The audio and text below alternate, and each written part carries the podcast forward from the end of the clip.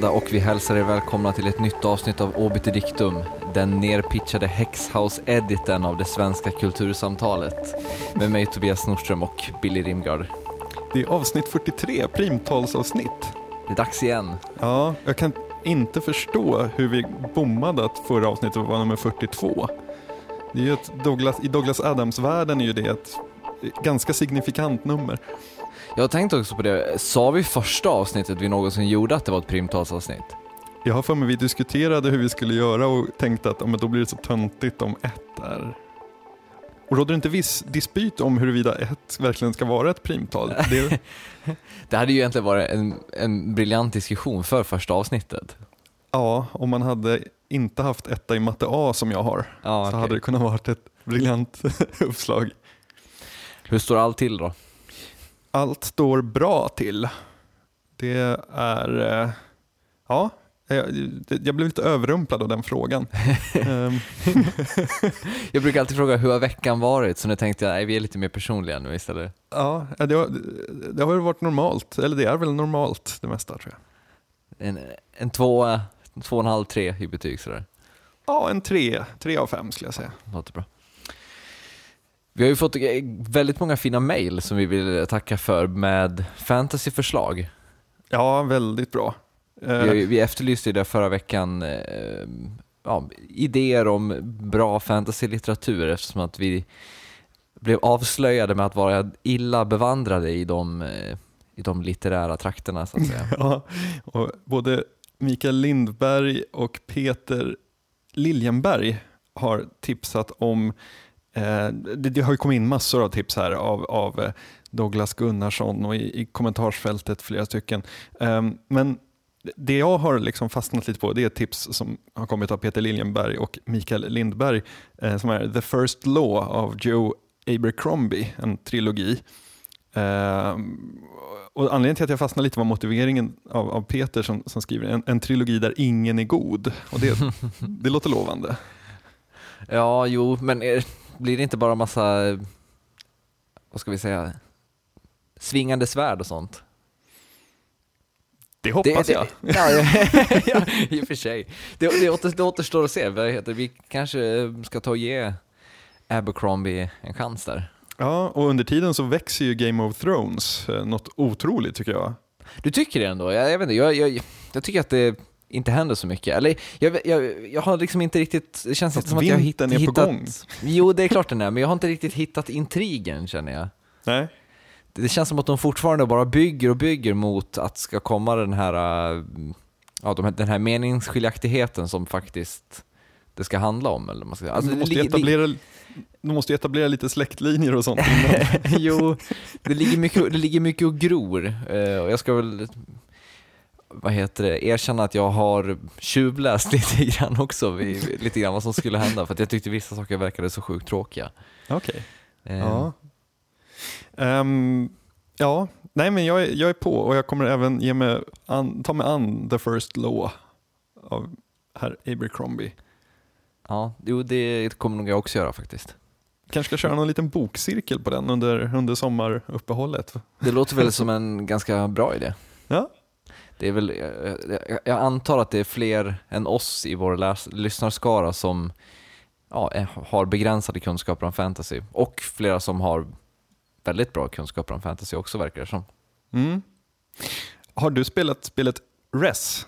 R-E-Z? Jajamän, jajamän, både till Playstation och till Xbox. Vi har fått ett mail från Andreas Ekegren som tycker att vårt intro, intromusiken låter som spelet RES på femte banan. Ja, alltså det där är ju det är lite så här, det är inte, jag ska inte säga att det är mots, motsägningsfullt, men för Rest är ju ett sånt här spel som, där musiken byggs upp av saker du gör i spelet. Mm. Eh, men det finns väl ett grundbit i de flesta banorna tror jag och det är väl det han åsyftar antar jag. Och här eh, dör musiken när vi börjar prata. Ja, precis. motsatsen. det är du som har snickrat ihop det där introt. Ja, precis. Det, det, det lilla jag, så det, är inte, det är inte taget från eh, från ett spel. Eh, han efterfrågar också om vi kan lägga upp den som mp3 och det kan vi göra men grejen är att det är inte så mycket mer än det man hör inledningsvis. Sen så ekar den bara ut i slutet. Det kanske kommer någon fet edit så, så, så, så småningom. Ja, vi vill, ha, vi vill ha en edit. Vi fick ju en, en edit på den nerpitchen när vi pratade om Justin Bieber förra året. Den var ju magisk. Ja, den var magisk. Vi har faktiskt använt den några gånger. I Tio sig. minuter lång eller vad är den? Ja, ja, vi har använt den i några övergångar och sånt och den funkar ju ypperligt till det. Mm. Vi kan som... ja. Nej, fortsätt du. Nej, nej. Eh, nej men jag tänkte bolla över till Vin Diesel. ja. Eh, han, har, han, vad heter det, läckte ju, eller ja, läckte, någon har hittat ett klipp eh, på en ung Vin Diesel som lägger lite rhymes över en Arthur Russell-låt och även försöker dansa lite breakdance till med, med någon kompis. Eh, har du sett, du har sett klippet antar jag? Ja. ja. Vad tycker du om Vin Diesels moves? Ja, jag vet inte om man ska bedöma Vin Diesel utifrån hans moves egentligen. Det är nog fel liksom, betygsskala att använda, eller fel, eh, fel parametrar att bedöma Vin Diesels greatness utifrån tror jag. Vilka, men vilka kriterier ska man bedöma Vin Diesel utifrån egentligen då? Hans skådespelaregenskaper känns ju också elakt. Hur, hur, hårt han kan säga “Did you kill my family?” Ja, det, det, det är ganska bra parametrar tror jag. Jag har noterat eh, filmaffischerna för eh, Fast and the Furious 5. Eh, Fast 5. Fast 5. Um, och det är väldigt kul för Vin Diesel och The Rock Dwayne Johnson de står och ser hur hårda ut som helst. Och sen är det stackars tredje snubben, som jag inte ens kommer ihåg vad han heter nu, eh, som står bredvid dem och ska försöka liksom påsa och se lika hård ut. Bara det att han har inte alls den naturliga coolheten av en gammal härjad wrestler som The Rock eller Vin Diesels eh, allmänna awesomeness. Så han, mm. han, han jobbar hårt där. Den har haft sjukt bra premiärsiffror Fast Five i USA, så att mm. det kan väl säkert bli någon så här långtgående sommarblockbuster. Jag är lite småsugen på ett Fast and the Furious maraton med alla fem filmerna. Ja, alltså jag ska erkänna nu att eh, Tokyo Drift, den som kanske egentligen är sämst, den hade näppeligen, eller ja, den hade kanske kunnat göra det, kvalat in när vi pratade Guilty Pleasures för mig. Ja. Jag vet inte, jag, jag gillar den här Tokyo-miljön med vad heter det, Lucas Blacker som spelar huvudrollen och sen är Bow Wow med på ett hörn också. Jag tänker om man ser alla de fem filmerna, undrar om man blir lika i huvudet då som när man har suttit och spelat typ Need for, Need for Speed i två timmar?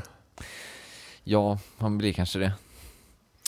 Men eh, vi, vi fick, har fått ett annat mail också som är ganska intressant, som vi kanske får uppehålla oss vid ett tag här känner jag. Mm.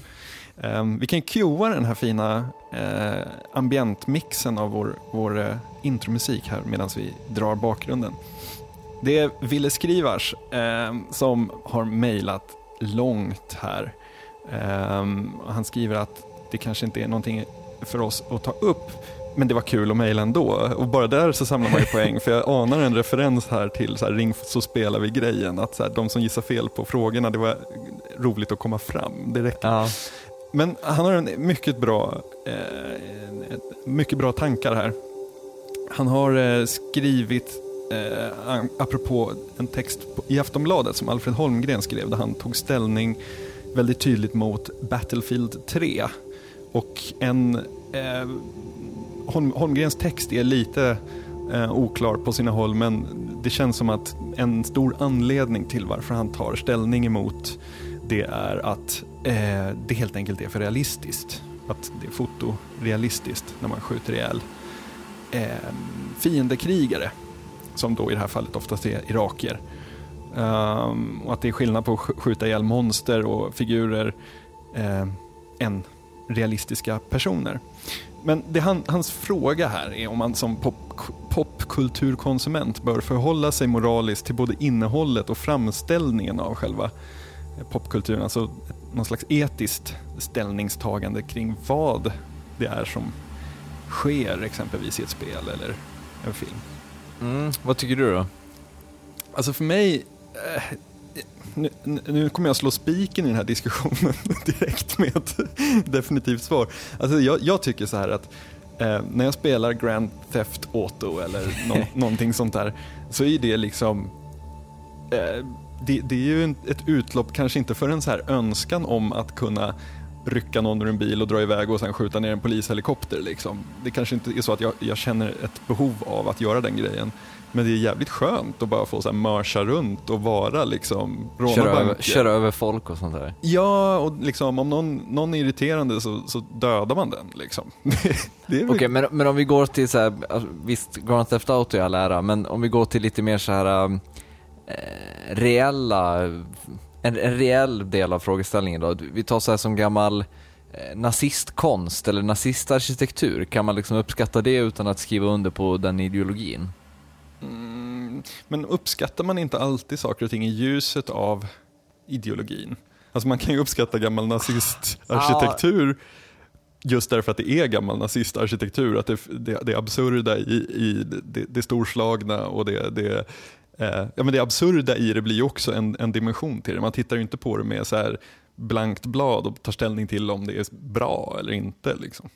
Men jag vet inte, jag, skulle, jag vet inte om jag skulle säga att, den är, att nazistisk arkitektur är typiskt nazistisk. Det är väl snarare nazismen som är typiskt något annat storslaget eh, ideologiskt, eller vad man ska säga. Alltså, jag tycker jättemycket om Leni Riefenstahls filmer till exempel, men det är ju inte för att de är propagandafilmer för Nazityskland, utan det är ju för att de är eh, estetiskt väldigt intressanta. Jag kände att vi gick väldigt fort, fort från popkultur till väldigt avancerad konstpolitisk diskurs här. Men, men den här en riktig, riktig eh, extremrealistisk splatterrulle då? Ja, alltså, jag, jag, Tortyrscener, ja, det är väl inga problem med det. varför inte? Därför att... Alltså det är väl som att gnälla på att världen är för våldsam på något sätt. Mm. Splatterfilmen är väl på något sätt bara någon förvrängd spegel som hålls upp mot världen och människans fantasier. Alltså människan är ju bisarr i sig.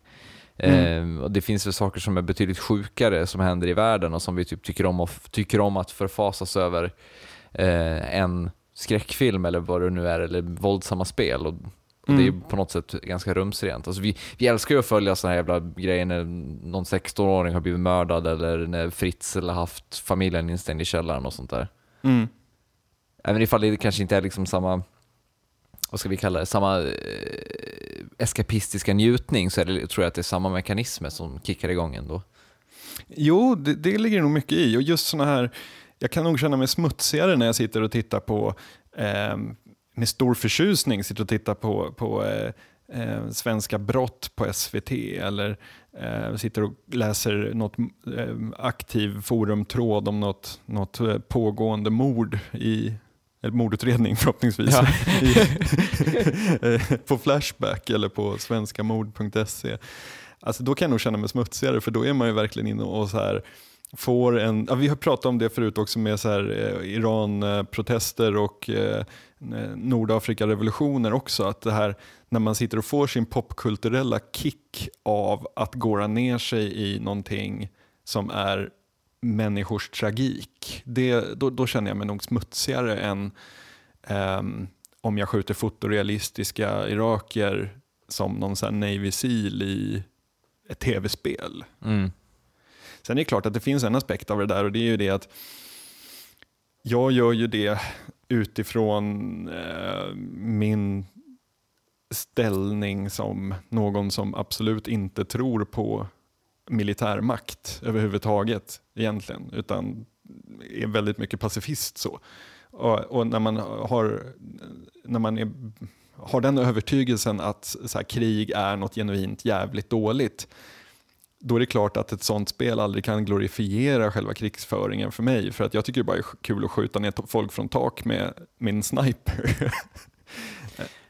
Jo, det är väl klart, men, men alltså å andra sidan, de som är då mm, stridspittar eller vad man brukar kalla dem, alltså de som går igång på krig, de har väl rätt att producera och konsumera sin kultur de också på något sätt kan jag tycka. Det är väl bättre att de sitter hemma och spelar tv-spel än att de sitter hemma och putsar AK47an. jo, jag tänker snarare typ så här 13-åringar som Ja, får så. en, en, en glorifierad bild och tänker att det här skulle jag kunna jobba med på riktigt. Alltså, jag, Mm. jag vet inte om det är en konsekvens av realistiska krigsspel. Eh, det är ju liksom, därom tvistar väl de lärde. Ehm, jag kommer ihåg på Commodore 64 fanns det ett spel som hette Commando Libyen, där man, eller Libya, där man i eh, en sekvens skulle avrätta fångar som var bundna mot så här stolpar. Och du vet, det var ju så här små pixliga gubbar eh, med Commodore 64-grafik. Jätterisigt. Så kom det så stort fult sikte så kunde man skjuta dem i benen eller någonting först innan man tog livet av dem. Och de skulle ju dö, det var inte så att man skulle förhöra dem eller någonting sånt där. Utan det var bara att skjuta ner dem och sen så gå vidare till nästa bana. Och det där blev ju så mycket rabalder kring att det var så här fruktansvärt och det var så här jätterebelliskt att spela det när man var 11-12 år därför att liksom föräldrar och alla tyckte det var hemskt att, det fanns, att någon gjorde sådana där spel överhuvudtaget. Mm. Um. Men, sen, men det finns ju även spel som alltså, på ett mer eh, reellt plan eh, prövar spelarens moral. Jag tänker till exempel på Bioshock där man ska så här man, man hittar sådana här little sisters heter det, alltså det är små barn helt enkelt, så kan man välja då antingen att så här, döda barnen och få kraft av det, eller så kan man rädda barnen då, men då får man inte lika mycket kraft. Eh, och det finns även då massa andra moraliska aspekter i varför man ska rädda dem och varför man inte räddar dem. Alltså det, man, får väga dem, eh, man får väga för och nackdelar mot varandra och så får spelet liksom olika det blir olika utfall beroende på hur man väljer att agera. Och sånt, är ju, sånt kan ju vara sjukt intressant tycker jag. Eh, och det, det på något sätt prövar väl spelarens eller konsumentens moral på ett mycket intressantare sätt än att typ man ska tänka efter att det är fel att skjuta iraker eller någonting. Ja, och jag kommer ihåg Petri Kultur hade en intervju med eh, nu har jag tappat namnet på henne, vilket jag skäms för. Hon är ju ett, ett ett geni när det gäller speldesign. Um, det står helt stilla och jag skäms å mina föräldrars vägnar att jag inte kommer på det här. Hur som helst, hon hade bland annat designat ett spel där spelarna körde omkring med tåg och skulle plocka upp små pluppar och det gällde att liksom ha så många pluppar som möjligt. Sådär. Ju fler pluppar man hade desto bättre var det. Um, och sen halvvägs in i spelet så vänder de upp kort som visar vilka det är ett brädspel då. Eh, vänder de upp kort som visar vilka destinationer de ska ha och då står det liksom Auschwitz, Treblinka och så vidare. och så måste man då göra ett moraliskt val att så här, ska jag fortsätta spela för att... Tågen måste gå i tid även i Nazityskland. ja, precis, du är satt här och utför ett uppdrag. Liksom. Du ska köra de här tågen uh, och du ska ha många pluppar på. Och Då är det väldigt intressant så här, när man Eh, hon hade kört det på något så spelkonvent och ehm, då var det någon, någon som hade bara rest sig upp i raseri och skrikit I will not play this game. Um, och då så säger hon you just did. Alltså så här, att, att, att ta ställning mot det, att sluta spela det, det är också att spela det med en annan utgång än det var historiskt så att säga. Mm. Brenda Breathwaite heter hon såklart. Ah, okay. Eh, vi länkar, hon har jättemånga roliga spel. Eh, eh, sådana spelprojekt som är, det ena är mer genialt än det andra. Verkligen så här cutting edge vad gäller att testa spelandets gränser. Men det är lite en annan grej, det, är ju spel som tvingar en verkligen att ta, ta ansvar för det man gör.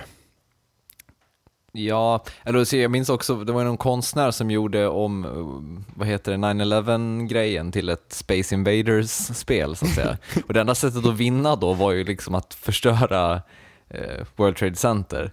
Eh, och det, då blev ju också massa mm, amerikanska spelmänniskor skitsura.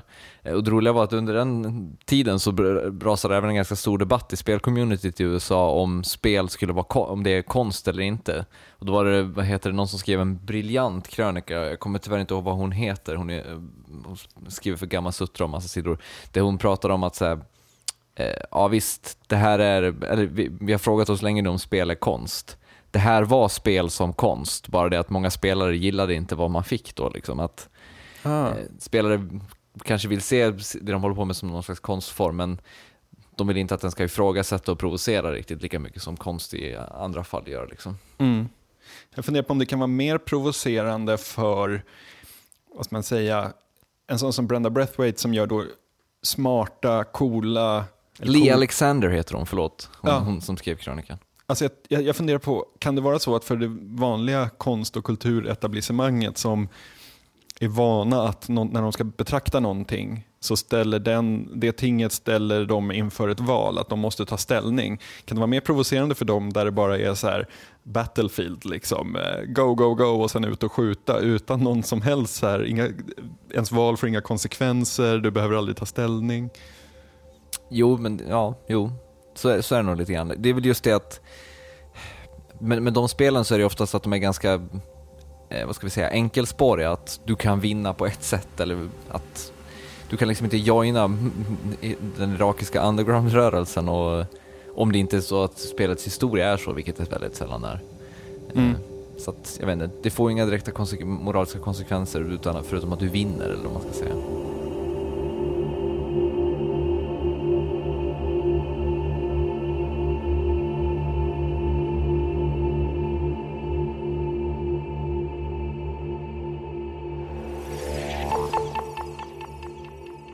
President Obama har haft en ganska bra vecka kan man minst säga. Det började med att han eh, tystade sina kritiker genom att presentera den eh, kompletta versionen av sitt födelsebevis från Hawaii, eh, vilket han sedan då följde upp med att, eh, ja, vad ska vi säga, äga media och eh, diverse kritiker på den här eh, press pressdinnern i Vita huset som de har varje år. Vad heter den för något? Eh, White House Press Correspondence Dinner. Så heter den ja. Um, inte, vi länkar till hans lilla tal där på, det finns upplagt på Youtube.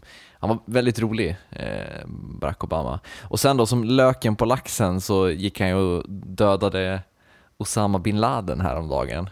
På ett sätt som också är eh, lite datorspelsmässigt nästan. Ja, det finns nog kanske vissa knytpunkter. Ja. Ehm, hur, hur kändes det? Kommer du alltid komma ihåg när du fick reda på nyheten att Osama bin Laden var död? Jag är faktiskt förvånad över att det blev, blir en så himla stor grej. Att tidningarna fortfarande kör det i topp med jättemycket info och krönikor och omdömen och sådär. Eh, nog inte en lika stor grej för mig som det är för, för eh, de som vill ha klick. Jo, och sen tror jag också att det, det, det är väl på något sätt ett bevis för den eh, väloljade amerikanska PR-maskinen. Mm. Alltså, det, är, det här är väl de bästa dagarna som finns att jobba på någon av de stora dags och kvällstidningarnas nyhetsredaktioner för att du liksom, du blir bara matad med pressreleaser och nytt material som släpps. Det är liksom, eh, det krävs noll arbete. Det är översätta lite och knyta ihop vissa punkter, sen är det klart i princip. Jag har skrattat gott åt photoshopningarna av eh, bilden när de sitter i White House Situation Room och eh, tittar på det hela på video. Jag skrattade nog mest åt när, vad heter det, mm, när Aftonbladet presenterade sitt tunga namn som deras man på plats i Pakistan, nämligen Billy Butt. Var var det inte Expressen? Nej, det var Aftonbladet. Var det Aftonbladet? Ja. Ja. Nej, det var det helt otroligt. När han, är, helt, Ha, jag skulle, I och för sig, det skulle inte förvåna om han var på Expressen också. helt plötsligt så är Billy Wutt liksom utrikeskorre, eller det var så här, nästan så här utrikespolitisk analytiker. Liksom. Ja. Kommer med så här helt befängda spekulationer och antaganden som var, ja. Eh, Absolut roligast är ju, fast det är så uttjatat, det är nästan pinsamt att vi tar upp det här, men den här snubben som bodde granne och satt och tweetade igenom hela Mm. eh, eh, händelsen utan att veta om vad det var som hände. Det, var- det var ju så otroligt bra där eh, när det kom ett utmattat tweet eh, många timmar senare där han skriver typ så här I just live here and wrote what I saw. I need to sleep now. Jo, men och sen, jag läste hans, hans Twitterflöde lite, lite, mm, lite mer senare och det, det var ju en annan Twittervärld om man säger så. Han pratade om att han var tvungen att gå ner och kicka igång generatorn för att snart skulle strömmen stängas av och sånt där. Och han skulle klara sig bra i Ja, ja. apokalypsen. Definitivt. Honom ska vi ha. Jag undrar om han också har ett sånt där, få- vad, vad säger man, eh, armerat hus som Obama, eller som Obama, nu hör du, som Usama bodde i. Då, är- Ja. då är han ju verkligen en, en praktkandidat för tillflyktsort under apokalypsen. Ja, absolut. Det var hjälte. Han Eh, bara, "Ap- apokalypsen, jag live-twittrar. Ja, precis. precis. Det är ju det. Han och sen den här japanen på Yokoso News som har tv-studio hemma. Förstår vilket, vilket double team. Ehm, Men vad tycker du om bevakningen eh, av själva ja vad ska vi säga, utför, eller själva operationen då? Ja.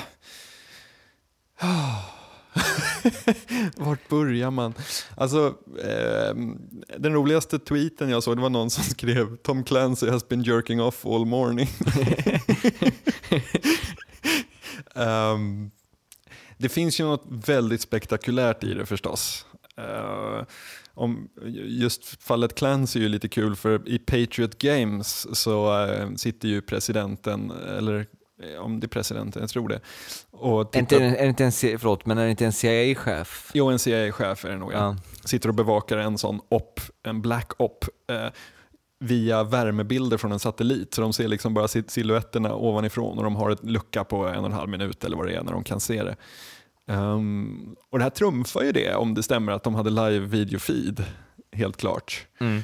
Um, och, alltså, man kan väl säga att bevakningen blir därefter. Va? Jag menar att det här att diskutera en avrättning som det här är, det är väl ingen nyhet i amerikansk liksom, pragmatisk utrikespolitik att man går in och knackar den man Ja, men ha. och sen just i det här fallet så känns det som att eh, det är svårt för någon som har något som helst inflytande att argumentera emot om det var rätt eller fel att, ja. att, att skjuta Usama bin Laden. Bin Laden liksom. ja. det, jag vet inte. Jag förstår varför man inte vill ha någon fånge, liksom, för det skulle, oj, oj, oj vad jobbigt det skulle vara med rätt, alltså eventuella rättegångar och liksom, folk skulle kapa plan och kräva frigivningar och eh, det skulle kanske inte funka. Liksom. Um, jag hade nog tyckt det var coolare om det, om det hade kommit fram 20 år senare att så här, aha, okej, okay, de gick in och, och, tog honom och sänkte honom i havet Um, och sa ingenting. Nej, det, det, skedde egentligen för nio månader sedan. Det var, ja. Men det var väl inte vissa, var inte vissa pakistanska källor som gjorde gällande att eh, den, det där tillslaget hade ägt rum för en, ungefär en vecka sedan, vecka sedan? Jo, det var ju det. Vi, första rapporten jag läste där tidigt på morgonen, då var det någon så här att att nu är DNA eh, alltså nu är DNA-kontrollen klar. Och då, jag, fick, jag levde länge i uppfattningen om att det här hade skett för ett tag sedan. Det var först lite senare på dagen under eftermiddagen när jag gick in och läste på riktigt som jag insåg att okej, okay, det var current event. Um, men som, som eh, det här blir ju självklart en så här grogrund för konspirationsteorier utgår vi ifrån. Ah, ja. mm. Och, eh...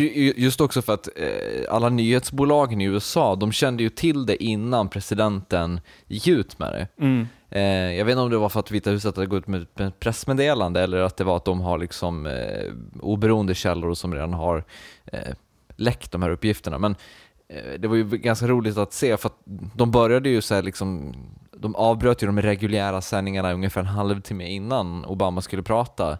Mm. Eh, och liksom så här, ja, pratade om att presidenten har någonting att tillkännage och etc. etc. Och så var det så att de, de visste allihopa vad som, vad som skulle berättas men de kunde liksom inte berätta det eller fick inte berätta det innan Obama hade berättat om det. Ah.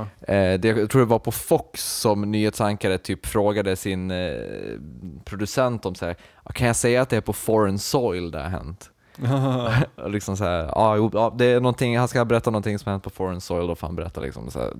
Det blir ju det blir konstigt på något vis. Mm. Jo, och sen det här att det inte har kommit några bilder på honom. Det kom en bild. Fast den var fake ju. Var den fake? Ja, Aha. den var fake. Um, men då var det någon som skrev på Twitter att uh, um, tysta konspirationsteorierna nu genom att visa bilder. Det gick ju så bra med månlandningen. Ja. Men jag gillar också den här, den här grafiska renderingen av hur eh, operationen gick till som ABC oh. tog fram. Oh. Eh, det känns ju så här, ja, det är hämtat från så Rainbow Six, något Rainbow Six-spel eller någonting sånt där. De har gjort en, satt upp ett scenario där eh, de gör ett exakt sånt tillslag eller någonting. William, William Gibson twittrar en länk på Google Maps där de har byggt upp det där compoundet eh, i skala 1-1 i Norfolk och hade liksom tränat där. Ja. Jävligt coolt. Oroväckande då att, det finns på, att man ser det på Google Maps. Ja, den är lite otippad. Ja. Faktiskt. Men det, men det är också så intressant ur någon slags så här, uh, historieskrivningsaspekt just sådana renderade bilder, för de kommer ju på något sätt ligga till grund för idén om hu hur det gick till. Mm. Om inte i, eh, i den officiella rapporten så i alla fall i massa folks medvetanden. Eh, och då är det väldigt intressant att det liksom är någon slags datarendering som berättar vad som hände. Vem regisserar filmen? Jag hoppas ju Michael Bay, Ja, jag skulle precis säga det. med Chuck Norris i huvudrollen. Som någon bitter gammal kapten där. Som... Ja. Ch- Chuck Norris gör en round kick på, på Osama bin Laden så huvudet flyger av. Det är därför det inte finns några bilder på det. ja, ja, det tror jag stenhårt på. Vem vill du göra filmen då? Jag höll på att säga Oliver Stone, eh, bara för att få någon sån här gritty, alltså jag tänker som en uppföljare till Black Hawk Down, samma, samma skarpa färger, eller samma ljussättning med, med mycket kontraster. Och, Fast men det var ju Ridley Scott som gjorde Ja. Black Hawk Down. Eh, såklart. Eh, Det- Nackdelen med Oliver Stone är väl att då blir det ju så här född den 4 juli, någon så Ja. moralkaka. Precis, precis. Ja, jag ska inte skjuta några fler regissörsnamn från höften här, för jag, när jag sköt bom på Black Hawk Down så...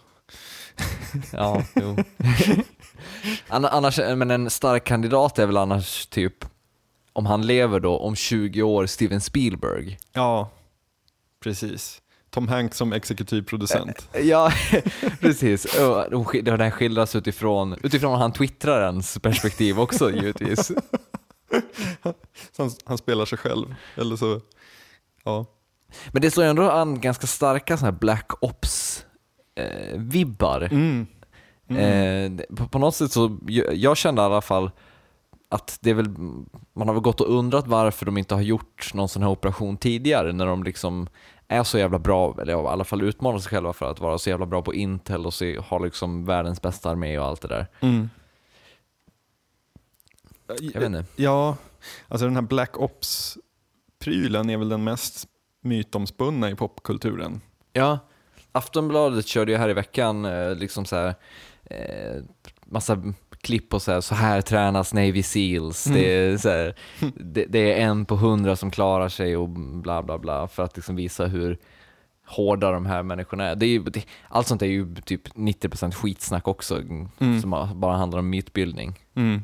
Och det, det roliga är ju typ så här att undra om, om, om vi utgår ifrån att det är så det är superexklusivt, alla är superexperter på konstigheter och bla bla bla. Undrar hur det då känns att så här, var och varannan popkulturell figur faktiskt är Navy Seal. För de dyker Mm. upp överallt i så här, som advokater i typ JAG och sånt.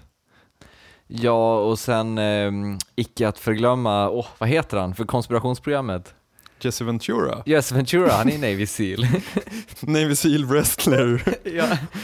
Och The Governor såklart. Ja, och ehm, han tar oss bakom lögnerna som staten inte vill att vi ska se.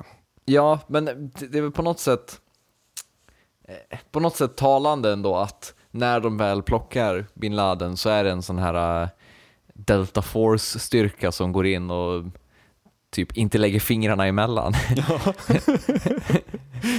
Och I den officiella rapporten kommer det väl stå att eld utbryter eller någonting och sen, ja, Jag, jag tyckte det var coolt att den helikoptern som störtade, att de så här gick ut ur den, sprängde den och gick på ombord på en annan helikopter och åkte därifrån. ja, Det är hårt. ja det, det, det är väl antagligen killar som har koll på persadlerna. Ja. Persedlarna heter det. Jag tänker bara, jag återkommer hela tiden till Ghost i eh, Modern Warfare 2 och Mm. 1 för den delen. Och från mystiska jättevillor i en förort i Pakistan så är ju steget ganska långt till eh, The Shire. Eller? Eller? Or Jo, is it? jo, det gjorde det. Jag kommer ihåg ett fantastiskt eh, program på Discovery ehm, som, som handlade om U- UFOn och det var hostat av Jonathan Frakes som var, eh, han var ju Riker i Star Trek Next Generation. Mm. Och varje gång han beskrev någonting han hade sett så avslutade, eller beskrev en historia så här om att ah, den, den och den eftermiddagen så såg de det här. Då tittade han in i kameran och sa han truth or hoax. Men det är väl den där Glenn Beck-retoriken, att man, att man så här, Oba Obama was born in America, or was he? Det, det är så här, man, man kan få allting att, man kan få allting, vara skeptisk till allting utan att säga emot det liksom. Men tillbaka till The Shire. Ja. För det är ju så här att Peter Jackson har ju äntligen börjat filma ehm, eh, The Hobbit, eller Bilbo som vi känner den i, Mm. i Sverige.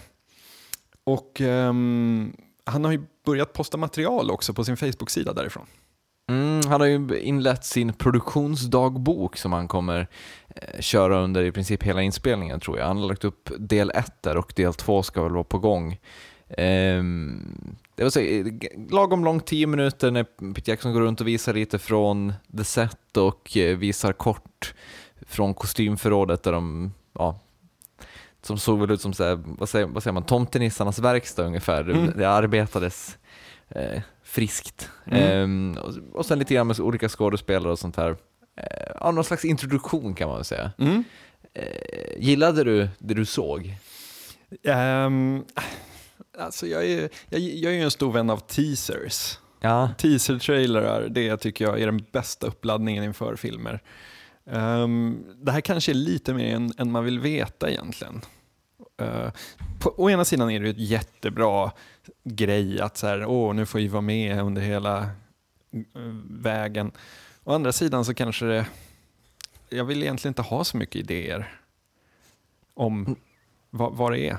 Mm. Jag, förstår, jag förstår vad du menar, men jag, kan- alltså, jag hade nog känt så mer om det var ett projekt som jag faktiskt brydde mig om mer, eller vad man ska säga. Alltså The Hobbit, jag är inte så jäkla peppad egentligen och då kan det vara lite kul med tanke på att det är en sån dyr produktion och stor filminspelning och många bekanta ansikten. Jag, menar, jag längtar ju bara efter att få se eh, Mikael Persbrandt i Page dy- dyka upp i någon produktionsdagbok. De öppnar en dörr och han står där och snortar. Ja. och så vänder han sig om mot, mot kameran och bara, jag gillar cola, det bara är så. Ja, det, det vore något. Och jag Eh. måste, måste ju säga också att, man, att du måste vara och balansera på en knivsägg och göra det här för som vi har konstaterat i de senaste avsnitten här, det är ju en hård publik han har att göra med. Det är många Ja. bokstavstrogna som, som vill ha eh, The Hobbit som The Hobbit var menad att se ut. Jo, så är det ju givetvis, men jag tror ändå att majoriteten av de som går och ser The Hobbit kommer ju vara människor som inte har läst böckerna. Mm, ja, jo, så är det ju. De kommer inte bli en lika stor publiksuccé som Sagan om ringen-filmerna, men jag- de kommer väl kanske vara i närheten i alla fall. Mm. Men, men jag kan väl säga, alltså, om det hade varit som till exempel filmatiseringen av Neuromancer som väl sakta rör sig framåt. Eh, om den hade haft en produktionsdagbok, då hade jag nog absolut inte velat följa den. Nej. Jag är Eh. på precis samma, eh, vi, vi gjorde ju experimentet förra sommaren kan vi säga för nytillkomna lyssnare att inte veta någonting om Inception när vi gick och såg den. Vi, hade, Mm. ju- vi hade sett teasern, den allra, allra första så här, 30 sekunders teasern, som, eller var den ens så lång? Ja, Ah, som inte sa någonting egentligen. nej, den var väldigt kryptisk. Och sen så kom vi helt blankt papper dit och det var, det var en jävligt så här, spännande och kul sätt att närma sig en film som man ändå vet att man kommer gilla. Så här. Jo, alltså det är bara frukt som fan tyckte jag. Det, det, det gav otroligt mycket till, och framförallt tror jag att det funkade väldigt bra i, i sam, samband med en sån film. Ehm, att, att, man hade, att man hade liksom ett helt färskt perspektiv på, och framförallt just att man inte sitter och väntar på scener som ska komma. Mm. För det är väl det som är det absolut sämsta när man ser trailers, att man ser massa häftiga saker i trailern som verkar jättehäftiga, men sen i, i kontexten av resten av filmen så är det inte alls särskilt häftigt. Nej. Eh, men, men ändå i Peter Jacksons fall så är det ju ändå jag tror inte han kommer visa något, något så här filmmaterial i sin produktionsdagbok, utan det handlar väl mer om själva arbetet på något sätt. Och det, jag vet inte, det kan jag gilla på ett sätt, att man bjuder in fansen och eh, konsumenterna, om man vill vara krass, i, i den ska vi säga, kreativa processen, eller i alla fall den så här, skapande processen på något sätt. Mm. Eh, det, vi pratade ju om Kevin Smith här ehm, tidigare i våras eh, och pratade då mycket om hur han har sitt speciella förhållande till fansen. Och det finns ju någonting, det finns vissa beröringspunkter här känner jag att, eh, att man liksom att man låter sina fans vara med från början och eh, som, som nästa avsnitt av produktionsdagboken tror jag jag läste att den ska vara så här eh, svara på massa frågor som fansen har skickat in och sånt här. Jag tror att det är en skitsmart sätt att så här, engage the base som det pratas mycket om i amerikansk politik. Att om du kan få alla de som har läst böckerna, eller boken eh, och som är die hard Hobbit-fans, om du kan få dem att följa produktionsdagboken och snacka om filmen och de, de kanske genererar liksom tio videobesökare var. Um, för att inte tala om all press som det där får på bloggar Exakt. och sådana saker. Exakt, det är ju ett, ett briljant sätt att hålla filmen aktuell ända fram till premiärdatumet. Ja, från och med nu när du och jag sitter och snackar om det här till ja. att vi har sett filmen så kommer ju liksom den ha någon slags plats hos oss. Eller vad man ska säga. Mm. Men tror du att man kan även dra liksom paralleller till någon slags ökad eh, transparens i Hollywood? Alltså att, att man nu för tiden inte är beredd, eller att man inte är liksom beredd att lyfta på skinket på samma sätt? Mm. Fast det är ju uttänkt PR samtidigt. Det är ju inte liksom, alltså det här när man pratar om transparens och låta folk vara med och bla bla bla.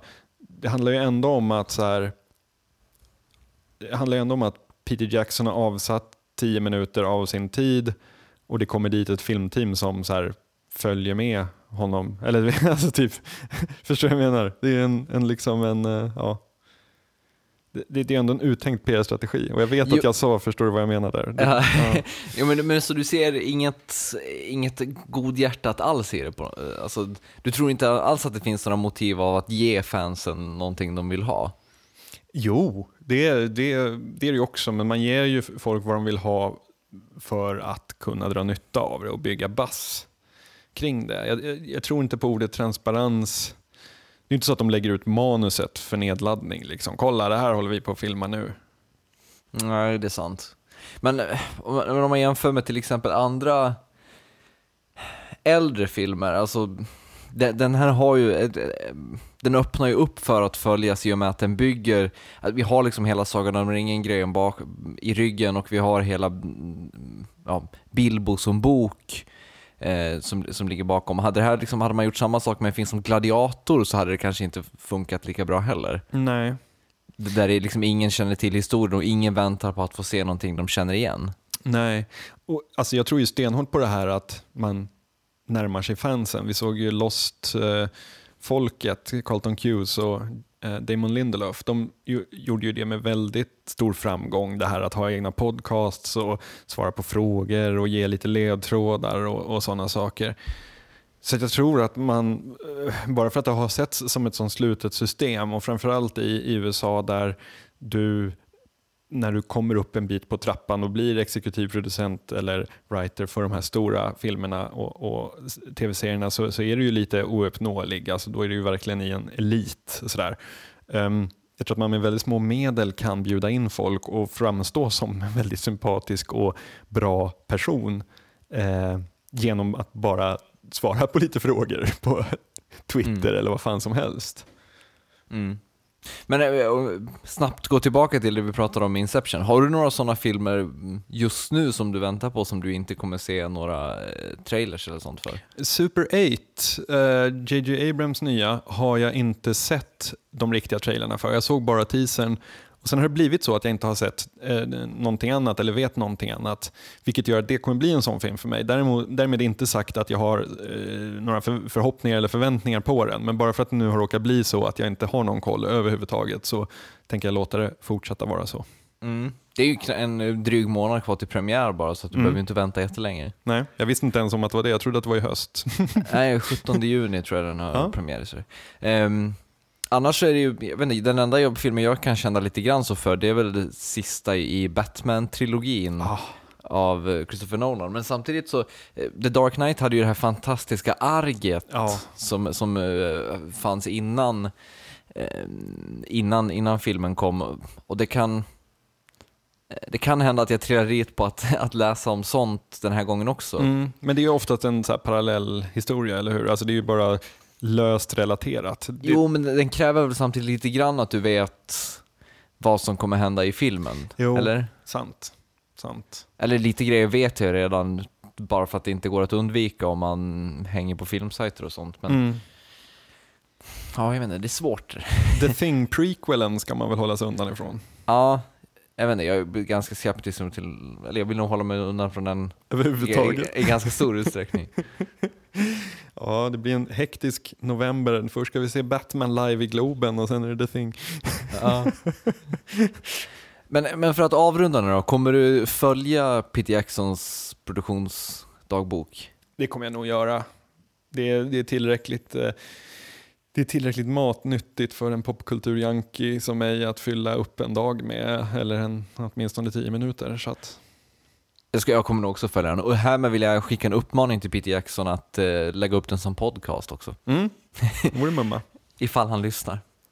Innan vi går till eh, postscriptum så eh, ska vi väl bara informera att nästa veckas avsnitt det är faktiskt säsongsavslutningen.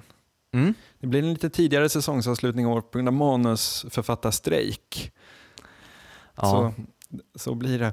Det blir ett specialavsnitt då förstås eftersom det är säsongsavslutning. Eh, vi tänkte gå on the road, mycket mer än så säger vi inte. Nej, en del matnyttigt kommer eh, finnas i det avsnittet men eh, ja, ni får se helt enkelt. Mm. Ni får vad vi ger som vi brukar säga.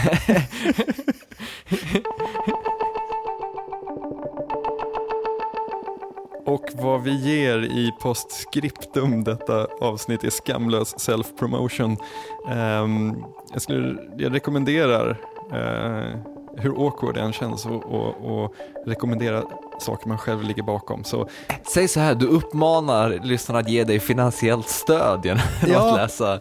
Ja. genom att läsa boken Allé Allé socialgrupp 3 ehm, Ehm, som är en eh, bok som jag har redaktörat kan man väl säga. Ehm, skriven utifrån intervjuer av en kille som heter Robban Ljung som är väldigt eh, speciell.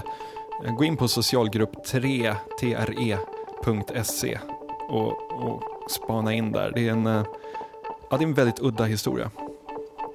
Och jag tänkte tipsa om dokumentären Big River Man från 2009. Eh, det är en dokumentär som följer maratonsimmaren Martin Strel från Slovenien. Eh, han har simmat eh, Donau i Europa, Yangtze-floden i Kina och i den här dokumentären då så ger han sig på Amazonfloden eh, och ska då ja, under ett visst antal veckor ta sig an att simma längs hela den floden. Eh, väldigt bra dokumentär som har vissa herz, herzogska drag som ja, den skiljer galenskap på ett ganska intressant sätt. Och i slutet får han gälar och börjar tillbe Shub Nibburath. Ja, det, det, jag kan säga att du är inte långt ifrån eh, sanningen. Yeah, yeah! Ja, Ja. det är allt för eh, denna vecka. Allt gott, Slutet gott. allting gott. Vi ses eh, nästa fredag och då tar vi med er på en resa.